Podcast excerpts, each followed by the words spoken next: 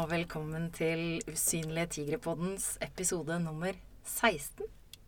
Dette er podkasten som vil gi folk kunnskap og innsikt om rus, hjelpetilbud og pårørende i Norge. Jeg heter Jeanette Flagstad, og jeg leder Usynlige tigre, som er nettverket for pårørende til rusavhengige i hele Norge. I denne episoden føler jeg meg veldig heldig. Her har jeg med tre mennesker med store hjerter.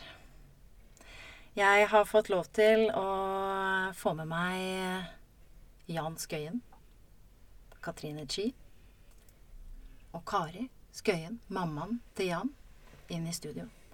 Og Jan og Katrine, de driver Veien ut. Behandlingssted for rusavhengige. Og på deres nettsider så står det her i alle andre behandlinger jeg var i tidligere, så var det akseptert at jeg syntes synd på meg sjøl. Derfor trodde jeg at det var en sannhet. I veien ut skjønte jeg at ansvaret for hvordan jeg hadde det, var mitt eget. Jan, hva tenker du om det utsagnet der som noen av deltakerne, eller en av deltakerne deres har sagt? Først og fremst så gleder jo det meg at det har gått inn. For det er jo da Altså For å ta en litt sånn personlig vinkling på det, så er jo det Når jeg jobber med det her, så vil jeg jo bringe videre det som hjalp meg ut av rusen for uh, mange år siden, og har holdt meg rusfri siden. Så det gleder meg jo stort. Det varmer i hjertet når uh, noen når de spør om, om uh, blir, blir, spurt om, om de kan si noen ord om, om hvordan de hadde det i veien ut. Og, og, og de kom med den uttalelsen der, så er det sånn, da kjenner jeg at jeg smiler veldig. For det er jo det det handler om. Det handler jo om, det handler om å ta ansvar for eget liv. Det er jo ingen andre som kan ta ansvaret for mitt liv eller ditt liv. Eller, det, det er jo sånn. altså selv om man gjerne skulle ønske seg det, så er det jo bare ikke sånn. Og så er det kanskje litt sånn man tror i samfunnet i dag, eller i hvert fall tror jeg mange pårørende kanskje føler på det, at det er liksom forventa. Men hjertet sier det jo også, at du skal hjelpe og hjelpe og gjøre alt, alle de tingene man gjør for å uh, I håp om at den som er rusavhengig, skal bli nykter, da ofte. For Kari, du er mammaen til Jan. Ja. Og han var jo en livatt gutt fra han var liten. Ja. Det var rock'n'roll. Det var rock'n'roll, ja. Det, det er helt sikkert. Ja. Og du, du oppdaga Vi snakka jo litt i stad før vi gikk inn her. Uh, og vi fant vel ut uh, mellom 8. og 9. kanskje på sommeren at uh, da, da, begynte det å bli litt mye festing. Men så, når du da har skjønt at du faktisk er en pårørende til rusavhengig, hvem skulle du få støtte fra da? Hvordan, hvordan håndterte du det greiene der?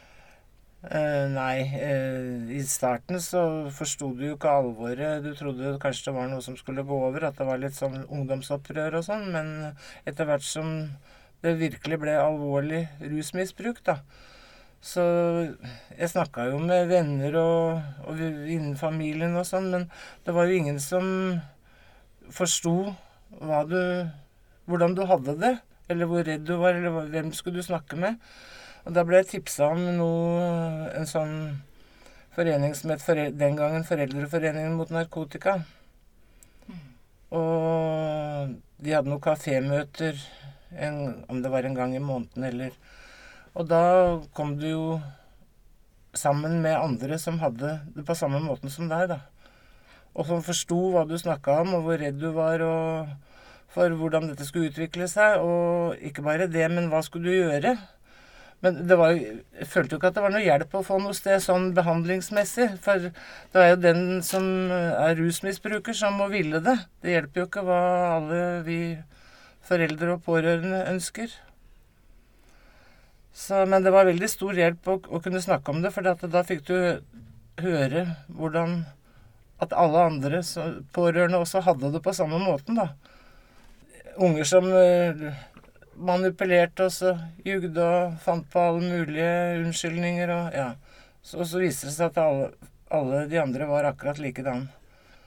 Og, og ikke bare det, men, men det første var jo det at du gikk i deg sjøl og tenkte Hvor har jeg svikta? Hva, har jeg gjort galt? Hva, hvorfor uh, har han starta med dette her? Er ikke jeg bra nok som mor? Men da du da fikk uh, høre hvordan andre hadde, så tenkte jeg nei, det er ikke min skyld. Det er bare sånn han er. Ja. Ja, Å gud, for en lettelse. ja det var det. Det var det. Men øh, det var jo Det var jo bare starten på hele greia, egentlig. Det ble mye mye verre, men øh, det jeg har erfart Du kan true og du kjefte og smelle og tigge og be og alt det der, men det, den rusavhengige må finne ut sjøl at nå orker jeg ikke mer. Du må helt ned i bånn. Og ikke Ja, sånn som du.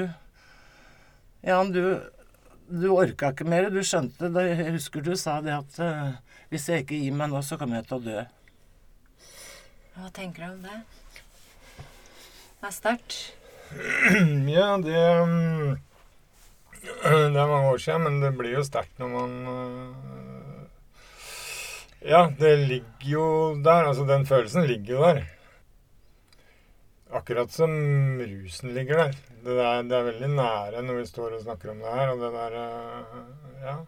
Jeg blei vel plutselig redd for å dø, da. Det var jo helt nytt for meg. Jeg har aldri vært redd for å dø hele mitt liv. Jeg var jo det var jo bare masse galskap og om å gjøre å være galest og villest og Ja, og jeg ønska jo på mange måter å dø òg de siste åra. Jeg hadde jo aldri motet å gjøre slutt på det.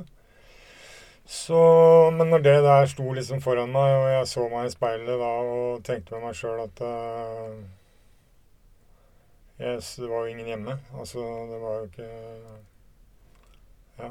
Det var akkurat som sjelen min sa her orker jeg ikke være. Så fikk jeg vel en sånn slags dødsangst, da. Ja, og da ba jeg om hjelp.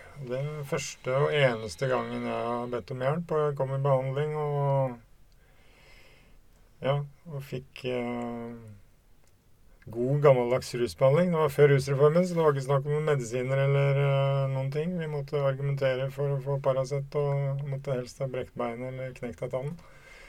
Så jeg er jo veldig Altså, jeg er jo så heldig. Jeg, jeg, ja. Det var ett alternativ, og det var å ta ansvar for eget liv og be om hjelp når du trengte det. Og komme seg gjennom. Uh, gjennom. Ja. Uh, ikke rundt og forbi og over og under og, og få juksa seg mellom.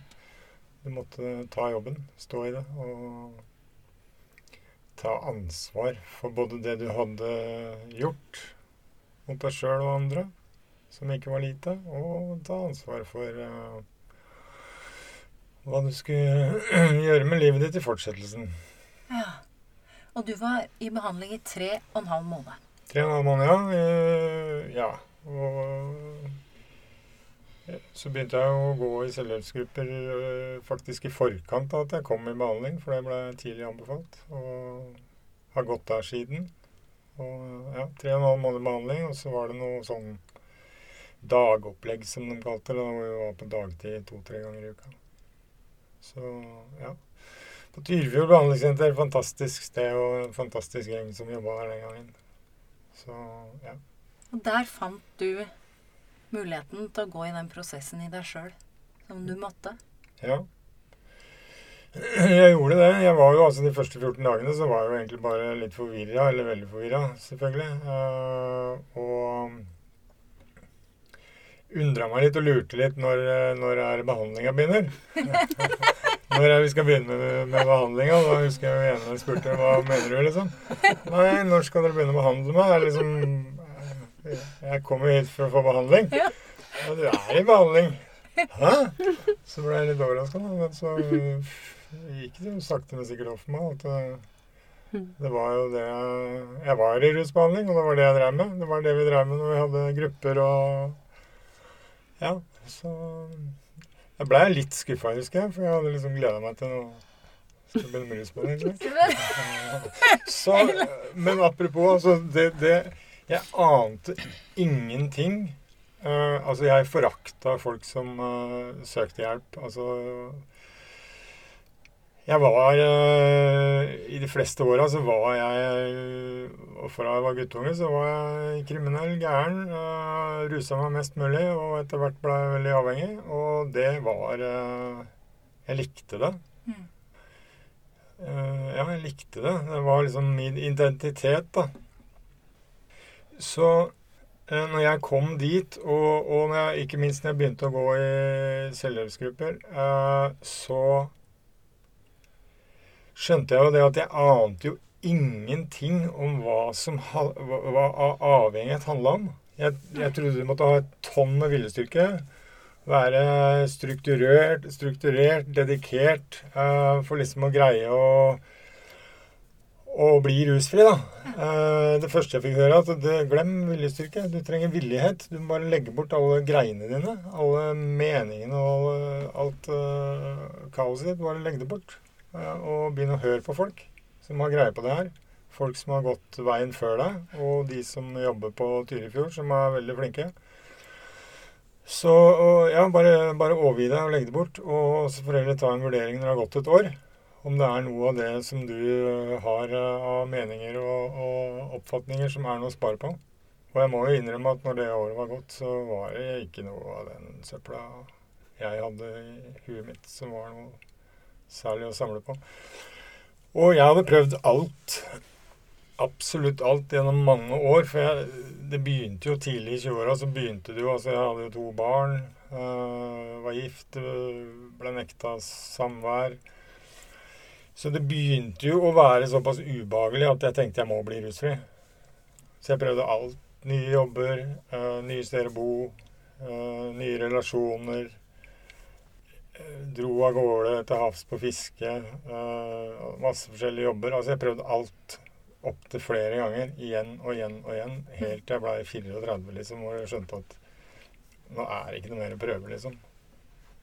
Og da var det jo en stor lettelse da når jeg kom i behandling, og, og etter hvert som jeg ble kjent i den etterverns- eller den selvhjelpsgruppa, at det, det er jo det er jo i meg det ligger. Det ligger ikke hvor jeg bor, eller hvor jeg jobber, eller hvem jeg er sammen med, eller øh, hva som skjedde da jeg var liten. Det er jo helt uinteressant. Mm. Det er jo i meg dette her ligger. Og det er jo det jeg må Da er det faktisk mulig å gjøre noe med det, da. Ja. Jeg fikk et eierforhold til det, og det, var, det er en av de største sånn oppvåkningene og lettelsene jeg har fått. At det, OK, men da kommer det jo til å gå. ja. For alt det andre jeg hadde prøvd, det gikk jo ikke. For da kunne du bes kontrollere skulle- Da kunne ja. du gjøre det sjøl. Det skulle jeg alltids greie, å være villig og, og høre på andre, og det, det gjorde jeg. Ja. Og det, jeg har fulgt oppskriften til punkt og prikke, i hvert fall de to første åra. Og så er jeg sånn Ja. Så går livet opp og ned. Man er jo ikke like Mm. dedikert hele veien, og ting skjer. Og får masse annet innhold i livet. da. Mm. Jobb og kone og flere barn og barnebarn og Ja, kontakt med Ja. Så livet ble så fullt. Og der eh, kommer jo en gyllen anledning, for her kommer Katrine inn. Mhm. Ikke sant? Mhm. Men eh, det er jo en Jeg klarer klar jo ikke å la være å nevne det, da. Dere var jo ungdomskjærester. Mm. Du lata altså Kari sa det i stad. Du lata jo som du skulle besøke søstera hans. Mm. Men du kom jo og spurte Er Jan hjemme, eller? Spurte søstera om Jan var hjemme. Ja. ja, ikke sant? Eh, så, så her kommer du inn. Mm. Hva skjer? Du møter eh, Jan. Og det er nå hvor mange år siden? Og når vi møttes igjen Ja. Ja, det er blitt noen år siden nå. 17. 17 år siden. Og dere hadde ikke kontakt da du var eh, på, i den største aktive rusperioden din. Da hadde dere ikke kontakt. Mm. Men dere møtes igjen og begynner å date. Mm. Hva skjer da? Ja, vi tok det jo rolig, vi da. Vi brukte jo fem år på å bare flytte sammen. Ja. Fra vi begynte å ta den første kaffekoppen. Så, og det var, jo, det var jo mye fordi at uh, når vi først møtte hverandre, hadde han vært rusfri i bare et år. Mm. Så det var ganske skjørt fortsatt for Jan sin del, da. Så han hadde jo mye greier, syns jeg, da, den gangen. Han måtte være mye aleine og blei veldig fort sliten av sosiale ting og uh, ja. eh, ja. Er Isolerte seg litt og, og sånne ting da, som jeg syntes var litt sånn vanskelig å forholde meg til. Så det var mye greier. Det var det. Så derfor så var det greit at vi traff hverandre litt i helga og tok det litt rolig, da. Mm. Og du skriver jo litt blogg på, Mm. veien ut, eller Mm. ja. Og har skrevet litt om akkurat det der med at du aksepterte at du var andrevalget. Var det det du Mm. kalte deg selv? Ja, at du ikke er førstevalget, du er andrevalget. Ja, det syns jeg var litt sånn vanskelig i starten, for at jeg skjønte jo ikke greia, for han gikk jo på disse selvhjelpsgruppene. Ja. Og så sa han at uh, det kom alltid først. For hvis ikke så eh, gikk det jo utover hans rusfri tid, eller han var redd for det, da. Så han forklarte meg jo greia, liksom. Og det var jo et helt nytt univers for meg uh, å høre om noe sånt. Og, og disse møtene han gikk på hele tiden. Og, men så blei jeg noe med på noen møter, da, for å se hva dette var for noe. Og skjønte jo mer og mer hva det dreide seg om og, og sånne ting. Og innfant meg vel liksom med at ja, det, nå skjønner jeg hva han mener. At hvis ikke det går først, hans tilfriskning og hans måte å på en måte opprettholde den rusfrie tida på, da, Mm. så hadde det ikke vært noe oss. Nei. Sånn at uh, det var jo en god investering.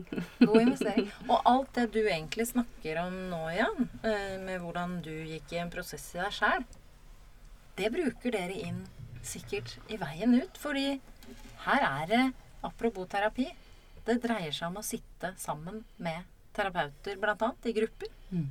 og snakke. Mm. Hva f.eks. er det man snakker om i behandling? Er det lov å spørre om det? Det er jo veldig sånn hva som skjer i dem akkurat der og da. Ikke sant? For det er jo mye følelser som begynner å dukke opp når du har vært eh, rusfri en stund. Så kommer det jo følelser som du ikke er vant til å håndtere. Så da er det jo veldig fint å kunne sitte der og dele det med andre som kjenner seg igjen, og at terapeuten kan komme med sine inputs. Så det er jo mye sånn ferskvare hele tida. Hva som eh, skjer der og da. Og så er det selvfølgelig mye skam, mye historie. eh, eh, ja, bare det å klare å utføre dagens uh, oppgaver. Uh, ja, så hvis du liksom alltid har rusa deg for å klare å, å gjennomføre en dag, så er det plutselig så starter du på bar bakke, da. Mm. Så det er mye som dukker opp. Og dere ser jo både at folk eh, At deres deltakere både lykkes i å finne sin vei til rusfrihet, og at noen ikke eh, kanskje velger det, da. Om man skal Er det, er det, er det sånn at dere Og det har vi jo snakka litt om, men Mm. fordi Kari, du og jeg, vi er jo, har jo vært pårørende i noen år, begge Ja. to. Ja.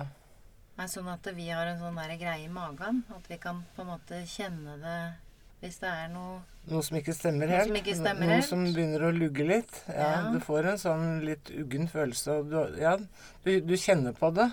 mm. Fordi du er eh, Har jo fulgt ganske nøye med, og kjenner litt av tegna, og ser ofte etter tegn, og Mm. Ja. Så det er liksom sånn Å, hva Ja. Hva er på gang nå?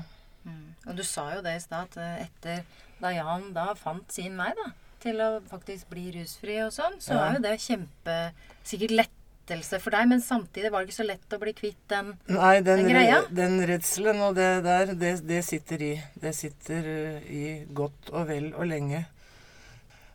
Flere år før du tør å stole ordentlig på det. Du kommer aldri til å stole helt på det. For det sitter eh, Nei, det er så skjørt, og det er så du, du er ikke sånn at liksom, ja, det går så bra med han, og så det der er over. Du har alltid den der lille redselen for at ting kan gå galt. Jeg pleier å si at jeg er veldig ydmyk, pleier jeg å kalle det. ja. For sånn det er eh, og, og som jeg sier, at det, du var eh, redd veldig i starten. Da, da trodde, for det første så trodde du ikke noe på det. Du tenkte at det er greit, han er til behandling, og ja, så går dette fint en liten stund, og så er det på han igjen. Det var liksom det vi var vant til, da. Mm. Men så etter hvert som tida går, og du ser og du skjønner For eh, Jan forandra seg jo. Du forsto jo at han hadde virkelig tatt det oppgjøret, og, han var blitt en helt annen gutt.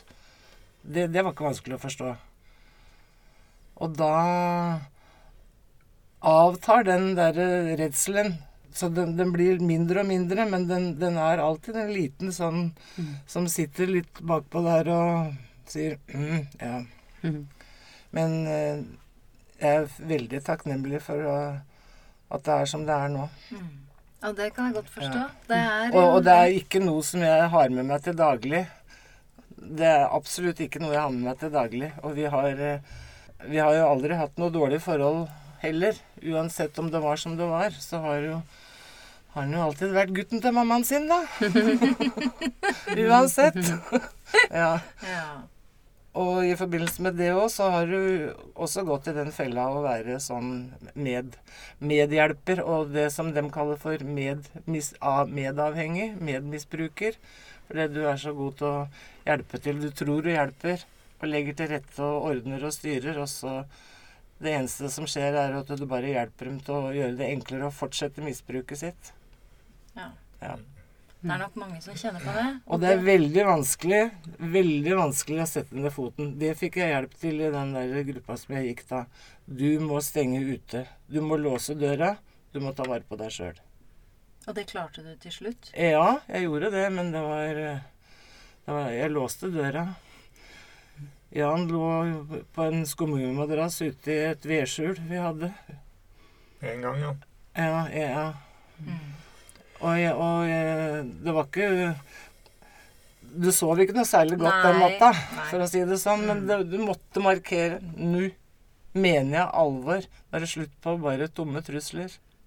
Og dere, Jan, Veien ut er jo ganske kjent behandlingssted. For jeg selv hørte jo om Veien ut for minst ti år Eller 2013, 2013 ikke sant? Mm. Eh, Og dere har, dere har minst 50 saker i media. Altså dere, dere, dere har vært mye Du har vært på TV, og dere har vært eh, Altså, dette her er eh, et opplegg som funker. Og som mange har funnet, ikke bare de som er deltakere hos dere, men de, også de pårørende får lov til å komme og være en hel uke. Og, og være med i grupper og gjøre denne greia. Men sånn som for deg, da. Hvis jeg googler deg, så kommer, jo, kommer det jo en del treff opp. Eh, sånn Aftenposten, eh, stor artikkel, og, og du tør jo liksom si noen ting som kanskje for noen er sånn Det er ikke alle som kan tørre å si det, da, men du, du står i det, og så kan du liksom si Ja. Omgivelsene mine skjønte i alle år at jeg trengte behandling. Men ingenting kunne vært fjernere for meg.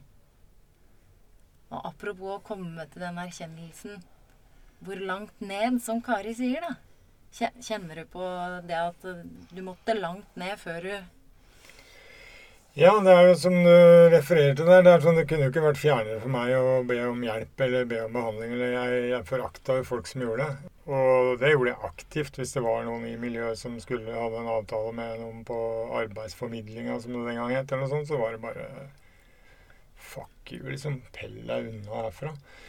Så det var holdningen, og det var ganske sånn øh, Ja, i den kretsen rundt meg så var det ganske røffe tak. Så det var helt fjernt. Og så fra jeg var guttunge, så hata jeg egentlig autoriteter. Altså, det var sånn der, jeg kom til skolepsykolog og ble bedt om å legge et puslespill for fire brikker, liksom. Det var eh, Altså, det er sånn der eh, Ja, unnskyld uttrykket. Det var sånn fuck you igjen, liksom. Det var sånn, og det fulgte meg hele veien oppover. Så det er sånn «Nei, Jeg skal ikke ha noe hjelp. Hold dere unna meg, liksom. La jeg klarer meg- selv, Ja, altså. ja, la meg være i fred. Og skal jeg greie å komme ut av det her, så må jeg jo Kan jeg i hvert fall ikke blande inn uh, en haug med suppehuer. Ja. Eh, så det var greia, og sånn er det nok for mange, for de har dårlig erfaring med autoriteter. Altså, jeg ble arrestert første gang da jeg var 13 år, kasta på glattcelle. Og det, det gjør jo noe med en 13-åring. Se på en 13-åring i dag, hva er det? Ja? Det er jo en liten guttunge. Mm. Og det gjorde noe med meg. Så det er mange sånne ting som har fulgt meg underveis. Og, men gudskjelov så skjønte jeg det. Og, og som Katrine var inne på i stad, det der med hva vi snakker om i grupper og sånn. Fornektelse er jo også kanskje det største hinderet, da. Fornektelse av, av, av problemet og, og skaden du har påført. Både omgivelsene, familie, barn, søsken, foreldre, samfunnet. Det er jo det er jo, det er jo helt enormt. Og litt sånn apropos det, så er det sånn Jeg er jo rundt en del og holder foredrag og, og sånn. Og nå, nå, nå prøver jeg å vri litt på det, egentlig. For nå er det jo så mange som er der ute og forteller historien sin. Og jeg håper, jeg håper for så vidt at Veien ut har vært med og inspirert til det, da, siden vi begynte å bli veldig offentlig i 2013. eh, Og har inspirasjon som en av våre verdier. Så er det litt sånn jeg begynner å bli litt trøtt av det. For jeg syns det blir litt for mye av det, både sånn personlig. Jeg er litt sånn lei av storyen min. Og så har det begynt å komme egentlig mer og mer til meg, det der at det, av, den derre altså jeg hadde en sånn, jeg hadde en sånn radius rundt meg av ødeleggelse.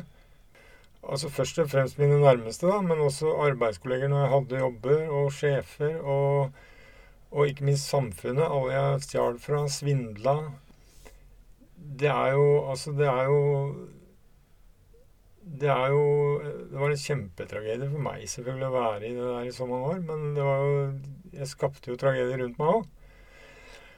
Og det blir litt for sånn der fint og flott nå at uh, vi liksom har greid å komme ut av det. og sånn, det er sånn, Jeg sy syns, uh, syns fokuset nå har velta litt over til at det liksom er litt sånn for mye status å være Og vi skal ha så mye hjelp, og det er liksom ikke måte på hva som skal Jeg syns det har blitt skeivt. Altså, når jeg, uh, den dagen jeg ble rusfri, så, så skyldte ikke samfunnet meg noen ting. Jeg skyldte bare samfunnet og de rundt meg unnskyld uttrykket jævlig mye. Mm. Og jeg var kjempeheldig som fortsatt da kunne få hjelp til å komme i behandling. At samfunnet i det hele tatt ville å ha regler og Eller at vi har den velferden vi har i Norge, så jeg kunne komme inn. Og jeg kom inn med lua i handa altså, og var kjempetakknemlig. Det syns jeg har blitt helt skakt i dag. Uh, jeg syns det. Det er selvfølgelig mye å gå inn på her. og vi, Sånn i veien ut, og så har ikke vi noe sånn Vi har ikke noen politiske standpunkter. Sånn. Altså, vi vil være kjempegode på rusbehandling, og det er vi. Mm. Vi er best i klassen. Mm. Men sånn personlig så syns jeg det der er, jeg synes det har velta for mye over. Selvfølgelig så trenger man hjelp til å komme ut av rusen. Man har ikke mm. kjangs mm. aleine. Og, og, de sjukeste av de sjuke, og de som er skikkelig sånn de vi de vi ser rundt i gatene. Selv om de har fått et sted å bo i dag, så er det selvfølgelig så, så må det skal være en omsorg her. Mm. Uh, vi må ta vare på hverandre og ta vare på mennesker. Men vi kan ikke slutte å stille krav. altså. Hallo. Den dagen vi mennesker, rusavhengige eller ikke, slutter å stille krav til hverandre, så visner vi jo. Mm. Jeg vil bli stilt krav til. Mm. Jeg vil at noen skal ha bruk for meg. Du vil at noen skal stille krav til deg, for du vil at noen skal ha bruk for deg. Den dagen vi ikke blir stilt krav til, så er det ikke bruk for oss. Da er det bare en sånn flytende masse som uh, i verste fall noen syns synd på. Ja, det er jo veldig, veldig treffende. Altså, Tenk på i behandlinga hos dere, da, Katrine. Mm. Dere, altså, der er det ingen medisiner. Mm. Ingenting. Og det er bein. Det er bare rett på. Vær deg sjøl. Mm. Og, og fortell litt om hvordan man kan komme inn hos dere. Ja, nei, det er mange forskjellige måter, men eh, vi har eh, nettsida vår med søknadsskjema. Mm. Så der er bare egentlig å fylle ut det mest nødvendige, og da kan vi hjelpe videre i prosessen. Ja, fordi så, så det er, er, det ikke noe Nav først søker Nei. Det er jo kjempefint Nettsiden. hvis de har det, men ja. uh, hvis de syns det er vanskelig, så kan de bare sende en søknad. Rett og slett. Nettsida veienut.no. Ja. Veienut.no. Mm. Og ikke sant, her står dere to i dag som et uh, solid par. Jan, du tar med alle disse rusavhengige på båt fra Karibien og over Atlanteren til Oslo. Og her i hvor mange uker i storm og vind og kast. Og du, du har dem, eller dere har dem på Kjønnerud gård mm. dag ut og dag inn med høner og eh, gjess og eller ender, og eh, hvor de får oppgaver. Mm. Men det er det med turene som jeg husker jeg la merke til. For det tenkte jeg det her er bra mm. for uh, han broren min. Mm. tenkte jeg. Mm. Men det ville jo aldri la seg gjøre at han kunne komme inn der. Mm. Tenkte jeg. Mm, mm. Og hadde jeg bare Hadde man visst, hadde man visst, hadde jeg visst ikke sant? Så, ja, så ville jo jeg gjerne sikkert søkt han inn. Ja, ja, eh, men det, det, er kanskje ikke det som hjelper, for han må ville han må det selv. Gjøre det selv, ja. ikke sant? Ja, fordi, for det er en viktig greie. Du, du må ville det sjøl. Ja, for du mm. kan komme inn i behandling hos dere, mm. men du kan ikke gjøre det for mora di. Nei. Eller noen. Da varer ikke så lenge. Nei, nå er det sånn uh, Vi får jo ofte det spørsmålet Er de motivert, da, de som kommer til dere siden dere har så bra resultater. Mm. Og da sier jeg sånn ah, Hvordan definerer vi motivasjon? Er det så mye smerte i den personen sjøl at han øh, vil inn, eller er det så mye smerte i omgivelsene, altså også nære relasjoner, at han vil inn? Eller er det så mye trøkk fra barnevern? Er det så mye trøkk fra rettsvesen? Altså, ofte så er det en kombinasjon, og ofte så ligger den minste delen av motivasjonen i deltakeren, eller i den som skal inn. Så det er vår jobb å snu. Eh, og det er derfor vi har disse turene. altså Én ting er at vi krysser Atlanteren. De vanlige, de tradisjonelle turene er jo seks uker i fjellet og seks uker på havet. Seiler opp i Arktis eh, og sånn, og går 40 mil. Og har med terapeuter. Det er rusbehandling, bare under veldig kule og frie omgivelser. Eh, som styrker terapien. For det er også rusbehandling vi driver med, og det er terapeutene som, som jobber der. Men vi er litt sånn lei av det ordet, ordet motivasjon. Eller lei av det, er feil å si. Men altså det ordet motivasjon, vi er litt sånn derre ah, Greit, motivasjon, ikke. Vi er mer opptatt av inspirasjon. For motivasjon kan ofte være noe som er trykka på deg. Av forskjellige grunner. Men inspirasjon, det er kun noe som kan spire fra inni deg. Og gjerne da bli inspirert av noen. Men inspirasjon, det er en spire. Hvis du er inspirert, så kjenner du jo det at Altså, du er motivert til å trene, ja, for du skal være med i maraton. Mm. Da er du motivert. Det er trøkk utafra, egentlig. Ja, ja. Men er du inspirert, så kjenner du at det er sånn ah, Å, inni meg. At det er noe som vil ut. At det er noe som eh, spirer og vil vokse ut. Det var Og det er det vi er ute etter. Vi er ute etter å inspirere, så de skal kjenne den derre Wow! Jeg vil ha dette her. Ja, her er det noe. Ja. Her er det noe. Og så bruker vi da forbilder, gode terapeuter, fantastiske turer og alt det der for å få folk til å komme dit. Og det er jo ikke noe sted du finner inspirasjon bedre enn når du er ute i naturen. Mm. Og det merker man når man tar seg en halvtimes gåtur etter jobben, eller hva man enn gjør, så kjenner man jo på en sånn mer sånn Ah, det er litt lettere, og det er litt sånn ah. Det er jo forska på det. Ja, Går du tur i skauen, så får du det bedre. Altså, Det skjer noe i hjernen. Så det er egentlig Det, Det er jo veldig bra opplegg. Ja, så det er vi ute etter. At folk skal bli inspirert. Og så håper vi på en sånn uh, kjernefysisk reaksjon på det. Sånn at alle som jobber der, og alle som er i familieuke, og alle som er i behandling, bare skal gå rundt som sånne superinspirerte. ja. Nei, så det er det vi, det er det vi vil. Men det gir i hvert fall mulighet, for det kan jeg jo skrive under på sjøl, eh, at eh, å få komme i familieuke For meg som aldri har gått på noe som helst grupper eller hjelp eller noen ting, så forandra jo det mye i mitt liv å få lov til det. Ja, det er en Så veldig sterk uke. Og veldig nødvendig. Det er ikke alle steder som har det. Og vi, vi eh, ser på den som en av de mest essensielle ukene vi har. Mm. At familien får mulighet til å ikke hjelpe den rusavhengige, men å hjelpe seg sjøl. Og få det bedre, og få et nettverk. Og kanskje skjønne mekanismene da, Ja. i en avhengig. Mm. Lære om Jeg husker veldig godt du snakka om akkurat det fornektelse. Mm. Ikke sant? Og se så ja. eh, tenkte jeg bare måtte si at eh, eh, For jeg syns vi sier mye sånn 'han' og sånn. For det er ofte oh, ja, gutter som, som søker seg en plass. Vi ønsker oss jenter. Ja. Og vi har hatt mange jenter som eh, har med glans gjennomført eh, ekspedisjonene våre. Og, eh, og håper jo at flere jenter også søker. For det er så mye fokus på disse gutta. Ja. Så jentene, kom igjen! Ja, ikke sant? Kom igjen. balansert. Og dere tar imot folk fra hele Norge, eller? Ja, overalt. Ja. Og alle aldre, eller hvor? Hva? Over 18. Mm. Over 18. Ja. Yes. Ja, men det er viktig. Det er viktig å få med. Det er viktig. Og så er det viktig det med jenter, for nå er det sånn at uh, det er jo flest øh, damer som jobber hos oss. Mm. Det er en helt bevisst uh, strategi fra veien ut sitt uh, styre og ledelse, holdt jeg på å si. Eh, og vi vil ha flere jenter inn i behandling. Eh, for det er jo det er jo dere damene som skal ta over verden. Ok. Ja, men da Ja. Katrine, du er kanskje sjefen? Nei, Dere deler på det? Den egentlige sjefen. Den egentlige sjefen. Sånn er det vel alltid. Nei, det. Du, vet du hva? Nå skal vi oppsummere her.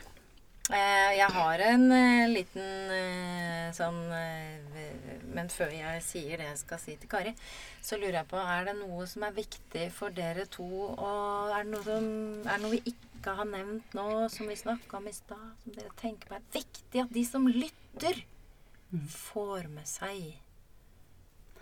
Jeg tenker jo at det er flest pårørende kanskje som lytter her, da. Og så Kari har jo kommet med mye der. Og at de er på en måte maktesløse i den kampen, eller hva man skal kalle det, da. Den runddansen med den eh, rusavhengige. Eh, at de tar med seg at eh, de sjøl eh, prøver å skaffe seg hjelp. Sånn at de får det bedre. Eh, så får vi håpe at den eh, rusavhengige da velger å gå i behandling også. Mm. Men jeg tenker jo at den, det, er, det er så viktig at det blir så glemt, det der med vi, De blir sjuke. Eh, Pårørende blir eh, veldig mange av dem blir veldig sjuke. eh, Fysisk og psykisk. For det er så stor påkjenning. Det er sånn Jeg tror ikke det er helt Jeg tror ikke det er så mange som veit hvor skadelig det er, da. Mm. Så det er viktig. Ta vare på seg sjøl. Og eh, er det noe du vil tillegge, Jan, sånn før vi avslutter? Er det, er det, kan jeg spørre om noe? Ja. Hvis man rett og slett som deltaker hos dere Ja, jeg har lært meg å si at det heter ikke å sprekke. For at det heter at man velger å ruse seg igjen. Eh, eller tar et tilbakefall. Er, er det noe som kan. Hvis man gjør det eh, når man har vært i veien ut og liksom, Dere merker jo det. Da merker dere det i forkant, dere. Ja, ja, vi I God tid i ser det. forkant og ser og hører og merker det. Men hvis de, kom, hvis de kommer ut og, og er ute, kan man søke seg tilbake igjen til dere, eller må man søke andre steder da? Hvordan er det? Alltid velkommen til å søke seg inn igjen i veien ut. Vi har ingen, ingen som helst eh, Altså, det er Det er bare å søke, det. Velkommen tilbake. Det fins ikke håpløse tilfeller. Mm. Å, det var godt. eh, Det var, var godt. Mm. Og helt avslutningsvis, Kari. Du og jeg har stått sammen på brygga i Drammen. Eh, da den eh, seilbåten med disse skjeggete folka som hadde vært uke etter uke i storm og Ja. sjø, kommer inn igjen. Og så møter jeg deg for første gang og klemmer deg godt. Og, og så sier du noe veldig fint om, som dreier seg om liksom noe med familie. Ja.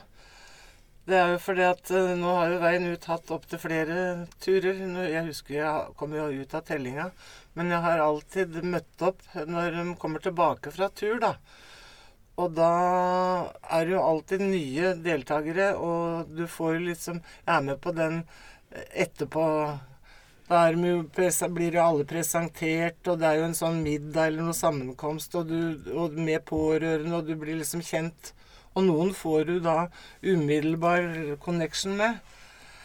Og, og du har liksom med dem å gjøre etterpå, da, fordi at du blir venn med dem på Facebook. Og, du, og da Jeg føler noen ganger at det da Det blir nesten som ungene mine, noen av dem. Ja. Så da, det er derfor jeg sier at uh, familien min blir større og større for hvert år. Ja, det, og det, det syns jeg summerer opp denne episoden her veldig fint. Veien ut bringer nye muligheter. Det bringer en bedre hverdag, kan gjøre. Men også det med nettverk. Det med at familien blir større. Og det er det vi trenger. For ensomhet er noe av det verste som fins. Så nettverk og hjelp, Mm. det, det er dere med og bringer. Jeg vil bare si dere gjør en fantastisk jobb. Dere synes godt. Dere inspirerer. Så tusen takk til dere alle tre for at dere ville komme hit i dag. Takk skal du ha. Takk skal du ha. Mange takk.